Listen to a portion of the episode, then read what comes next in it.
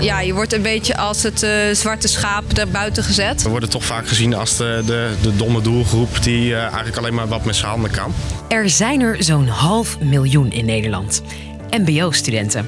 En hoewel ze er in enorme getalen zijn, heeft het grootste deel van hen het gevoel niet mee te tellen. Overal gaat het vooral om de HBO'ers en om de universiteit. Onderzoek laat nu zien dat de coronacrisis dat gevoel alleen maar erger heeft gemaakt. Wij werden niet gehoord. Je hoorde nergens MBO'ers. Ik ben Sophie en in deze aflevering hoor je op welke manieren veel MBO'ers zich uitgesloten voelen en hoe dat voelt. Lang verhaal kort. Een podcast van NOS op 3 en 3FM.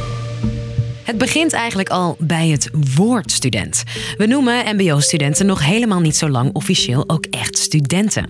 Pas sinds 2020. Maar toch in de praktijk uh, merken MBO's daar echt nog geen, uh, geen drol van eigenlijk. Dit is Quinn Blokcel, voorzitter van JOB, jongerenorganisatie beroepsonderwijs. Ze wordt nog steeds uitgesloten bij bijvoorbeeld echt het studentenleven. Dus bijvoorbeeld introductieweken, studentenkortingen, uh, studentenactiviteiten, studentenverenigingen. En um, ja, het is natuurlijk ontzettend raar, omdat ze, ze zijn officieel studenten, maar uh, in de praktijk lijkt nog niet iedereen dat te erkennen. En als ze het woord überhaupt studenten gebruiken, dan denken ze eigenlijk alleen aan HBO- en WO-studenten. Dat ervaart Liedewij Bond, student restauratie en decoratie, ook. Ik heb wel eens gehad dat um, ik een feestje binnen wilde komen, maar dat dat niet mocht als je geen HBO-pas had. Ik krijg toch een beetje het gevoel van: is dit dan normaal? Moet ik dat accepteren? Of vind ik dit eigenlijk heel gek? En is dit een soort vorm van, ja, groot gezegd, discriminatie? En het zit in meer dingen, groot en klein. Praktisch voorbeeldje. Dikke kans dat je deze podcast luistert op Spotify. De studentenkorting die je daarop kan krijgen was tot voor kort alleen voor HBO- en WO-studenten. En in bijvoorbeeld de grote studentensteden. Welkom in Utrecht. Voelen net beginnende MBO'ers al snel heel praktisch. Welkom op de uit. Dat ze er niet helemaal bij horen, zegt Quinn. In bijvoorbeeld uh, Utrecht heb je de Uitweek. Dat is echt een supergrote introductieweek waar studenten echt de stad leren kennen, maar ook de scholen. Leef je uit! Um, die is bedoeld voor alle studenten. Ja, nieuwe mensen leren kennen, ja, superleuk. Maar um, ja, je kan het al ruiken. Tot op heden mogen MBO'ers daar niet aan deelnemen. Tijdens hun studie lopen MBO'ers ook tegen onbegrip aan.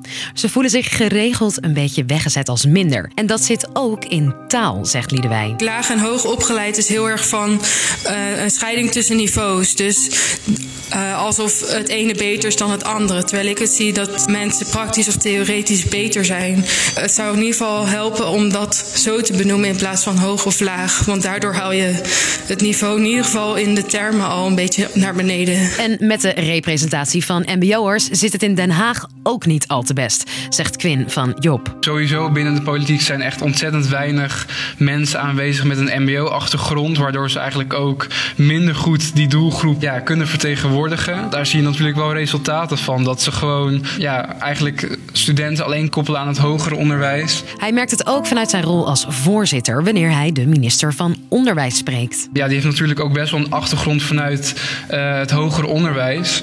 Dus dan moeten we ook wel echt een beetje duwen om een beetje dat perspectief van het MBO mee te krijgen. Dus dan kom je ook weer terug op uh, politieke vertegenwoordigers die totaal geen achtergrond hebben in het MBO. Wat weer resulteert tot uh, ondervertegenwoordiging vertegenwoordiging en miskenning soms.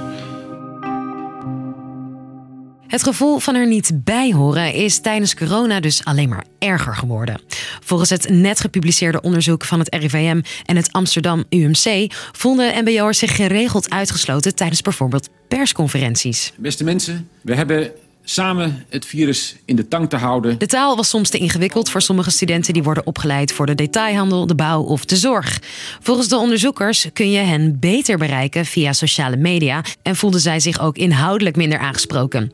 Ook Quinn herkent dat. Met de persconferentie, met de coronatijd zag je dat als het gaat om bijvoorbeeld mentaal welzijn van de studenten, dan gingen die onderzoeken alleen uh, richting studenten in het hoger onderwijs. En ja, dat, dat blijft natuurlijk echt ontzettend raar. Ook merkten ze een gebrek aan aandacht voor het belang van praktische stages op het MBO.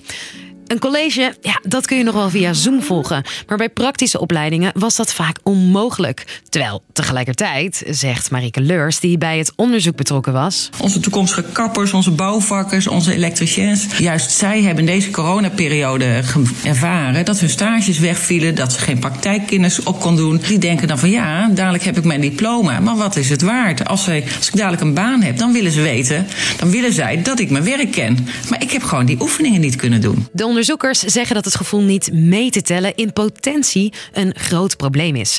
Het kan ertoe leiden dat een belangrijke groep jonge mensen het gevoel heeft niet meer betrokken te zijn bij de samenleving. Terwijl wie gaat straks jouw huis schilderen of de, weet ik veel, de dakgoten vervangen? Zeg maar, wij zijn eigenlijk de harde kern van Nederland.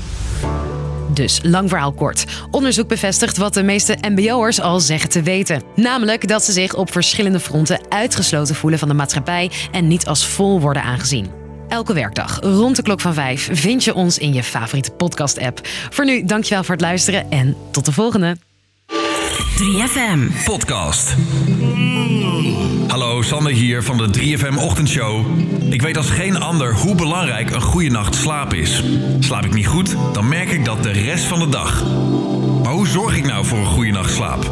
Dat zoek ik uit in mijn podcast, waarin mijn droomgasten vertellen over hun slaapgeheimen. Als ik thuis ben, met de kinderen bijvoorbeeld, dan uh, dut ik soms even mee. Ja, ik kan makkelijker een dag zonder eten dan zonder slaap. En we testen ze ook gelijk uit. En loop zo lang door als je wil, totdat je heel in slaap valt.